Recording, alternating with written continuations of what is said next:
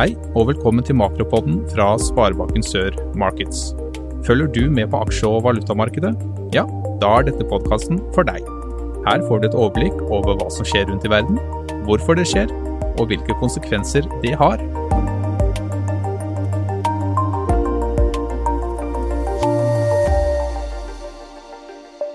Da sier vi hjertelig velkommen til en ny makropod. Mitt navn er Jan Egil Nordheim, jeg er leder for Sparebanken Sør Markets. Og I dag skal vi snakke om eh, markedsstemninga sånn som den er i øyeblikket nå ved inngangen til desember. Vi skal komme litt inn på korona og vaksinesituasjonen som rir verden fortsatt. Vi skal se litt på hva som skjer i USA nå og framover de neste ukene. Og vi skal se litt på hva som har skjedd i Norge i det siste, og hva vi kan forvente i den nærmeste tida. Og Så skal vi også se litt på utviklinga eh, slik den har vært i de ulike markedene. Oljemarkedet, rentemarkedet og valutamarkedet. Hva har skjedd i de siste ukene siden forrige makropod? Jo, Biden vant valg i USA. Vi har fått masse gode vaksinenyheter. Vi har fått uh, mye bedre stemning i markedene. Markedene er, er rett og slett veldig optimistiske i øyeblikket. Vi har fått oljeprisen opp. Vi har fått eh, rentene, spesielt de lange rentene, opp. Og vi har fått eh, norske kroner betydelig sterkere i valutamarkedet. Hvis vi ser litt først på eh, USA, så vant jo Biden valget. Og selv om Trump ikke riktig vil innse valgnederlaget, så taper han stadig sine søksmål. Selvfølgelig så er det fortsatt tid fram til 20. januar, så er han fortsatt i stand til å komme med kraftige overraskelser. Det kan skje, og det vil da få store innvirkninger på markedet. Samtidig så er Biden i gang med å rekruttere veldig godt kvalifiserte folk til regjeringa. Nå sist eh, ser det ut til å være klart at Janet Yellen, den tidligere sjef for den amerikanske sentralbanken, blir ny amerikansk finansminister. Og det blir utrolig positivt mottatt i markedet. Yellen sto for egentlig en del pengebruk og eh, lave renter mens eh, hun var eh, sentralbanksjef. Og eh, det er nok større forventninger og økte forventninger nå til den kommende krisepakken. Det ryktes at demokratene vil ha en krisepakke som er på 2,2 billioner dollar.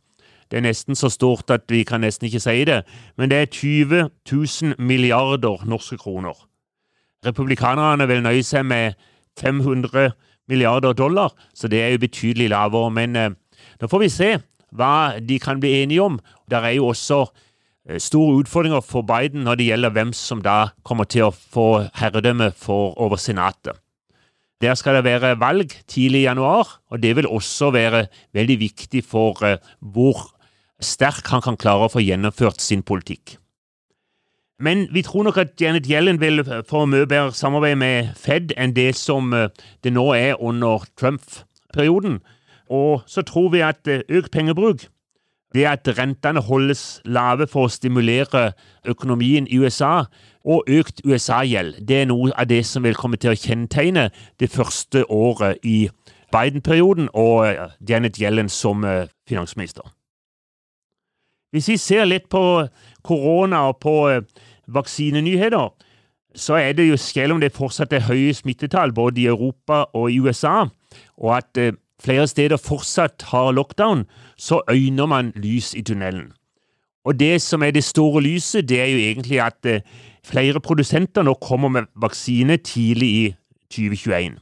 Pfizer, Moderna og AstraZeneca meldte alle tre om eh, betydelig framskritt i eh, produksjonen og i eh, testinga, sånn at eh, flere av de kan faktisk være klare veldig, veldig tidlig i 2021. Ser også ut til å bli god effekt. De eh, rapporterer om en effekt på mellom 90 og 94% så det er jo veldig bra.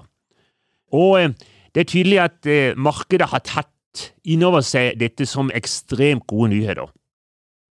Det vi ser nå, er at Deutsche Bank kom just med en en eh, analyse, og de mener at i løpet av mars, april, mai så vil ca. to tredjedeler av befolkninga i mange av de europeiske landene være vaksinert. Og da tror vi at eh, tjenestesektoren, reiseliv, hotell, restauranter etc., kommer som et skudd. Hva skjer så i Norge? Jo, vi ser eh, økt arbeidsledighet igjen, etter hvert som vi nå stenger ned mer. Vi hadde jo en arbeidsledighet på 2,3 i februar, før pandemien starta. Og i løpet av noen ganske få uker så steg den til 10,6% i mars. Hvis vi tar med de eh, som var på delvis ledige og de på tiltak, så var vi oppe i ca. 15 av arbeidsstokken. Totalt ca. 433 000, som da var enten ledige eller delvis ledige eller på tiltak. Så falt eh, arbeidsledigheten ganske kraftig igjen i løpet av sommermånedene. Og eh, i oktober så hadde vi en arbeidsledighet på ca. 3,5% men nå ser vi igjen at det begynner å stige.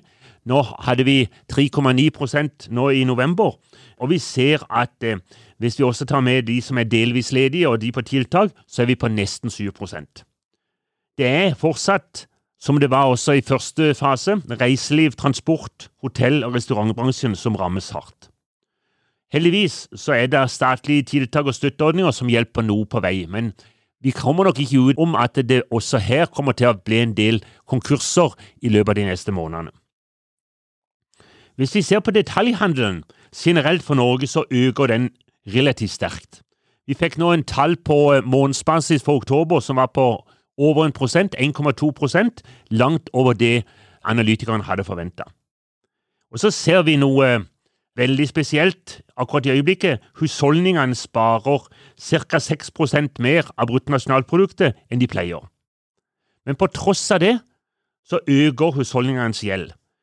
Eh, husholdningenes gjeld har nå økt med nesten 5% til formidable 3785 milliarder. Og Det er nok først og fremst et resultat av at boligprisene stiger mer enn det som er folks inntekter. Hvis vi ser litt på markedene og hvordan det har slått ut, den eh, optimismen som har eh, råda de siste ukene, så ser vi at oljeprisen har fått et løft fra 40-42 dollar nå til 47-48 dollar. Og hovedgrunnen er, som vi var inne på, økt optimisme som følge av vaksinehåp og sterkere forhåpning om økt pengetrykking i USA. Og så I tillegg så øker oljeprisen på tiltakende konfliktsituasjon i Midtøsten, bl.a. etter likvideringa av Irans sjef for atombyrået. Det at det, det blir eh, økt konfliktsituasjon i Midtøsten har jo en ekstrem innvirkning på eh, oljeprisen, da veldig mye av det produseres der. Hvis vi da ser på valutamarkedet, så ser vi at eh, bakgrunnen med gode vaksinenyheter, høyere oljepris, høyere aksjemarkeder og høyere lange renter, det har gjort at eh, norske kroner har styrka seg markant gjennom november måned. Faktisk aldri før i dette århundret, altså etter år 2000 så har norske kroner styrka seg så mye i november måned isolert. Så eh, vi har sett at eh, norske kroner er kommet veldig veldig sterkt tilbake. Det samme har vi også sett en vesentlig styrking av svenske kroner, som skyldes bl.a. at aksjemarkedene rundt om i verden har gått veldig godt. Og Da er jo spørsmålet er det for mye positivitet i markedet. Kommer det en reaksjon snart? Er det timing til å kanskje ta ned eksponeringa sin i valutamarkedet, eller er det timingen for å sikre, hvis man da skal kjøpe valuta og trenger valuta i 2021? Og Det betyr, å gjenta det som vi har noen, sagt noen ganger i Makropodden, at valutasikring er utrolig viktig. Så snakk gjerne med oss om det. Hva skjer med de lange rentene? Noen av dere husker sikkert at jeg i forrige makropod sa at trolig vil de lange rentene dra seg oppover hvis Joe Biden ble valgt til president. Og Det er akkurat det vi nå har sett i de siste to ukene. Og Det er godt hjulpet av økt positivitet i markedet og gode vaksinenyheter. Det har brakt tiåringen i Norge nå opp til 1,14 Fem år kan vi gjøre på 0,8% Og så kommer jo da bankens margin i tillegg. Denne tendensen til noe høyere og lange renter, det tror vi kommer til å fortsette. Og jeg tror fortsatt, på tross av at vi da er litt over prosenten på tiåringen, så tror vi at det er interessante nivåer å sikre seg på. Vi ser at stadig flere aktører tror at Norges Bank vil begynne å vurdere renteøkninger i slutten av neste år. Og Det vil da kunne eh, bety at det også kommer ytterligere renteøkninger i 2022, og kanskje også i 2023.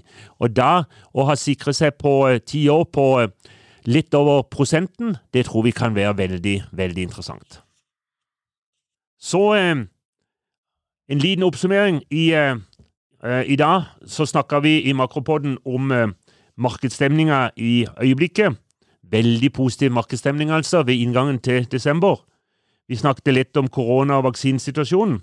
Vi så litt på hva som skjer i USA, og hva som vi tror vil komme til å skje de neste ukene.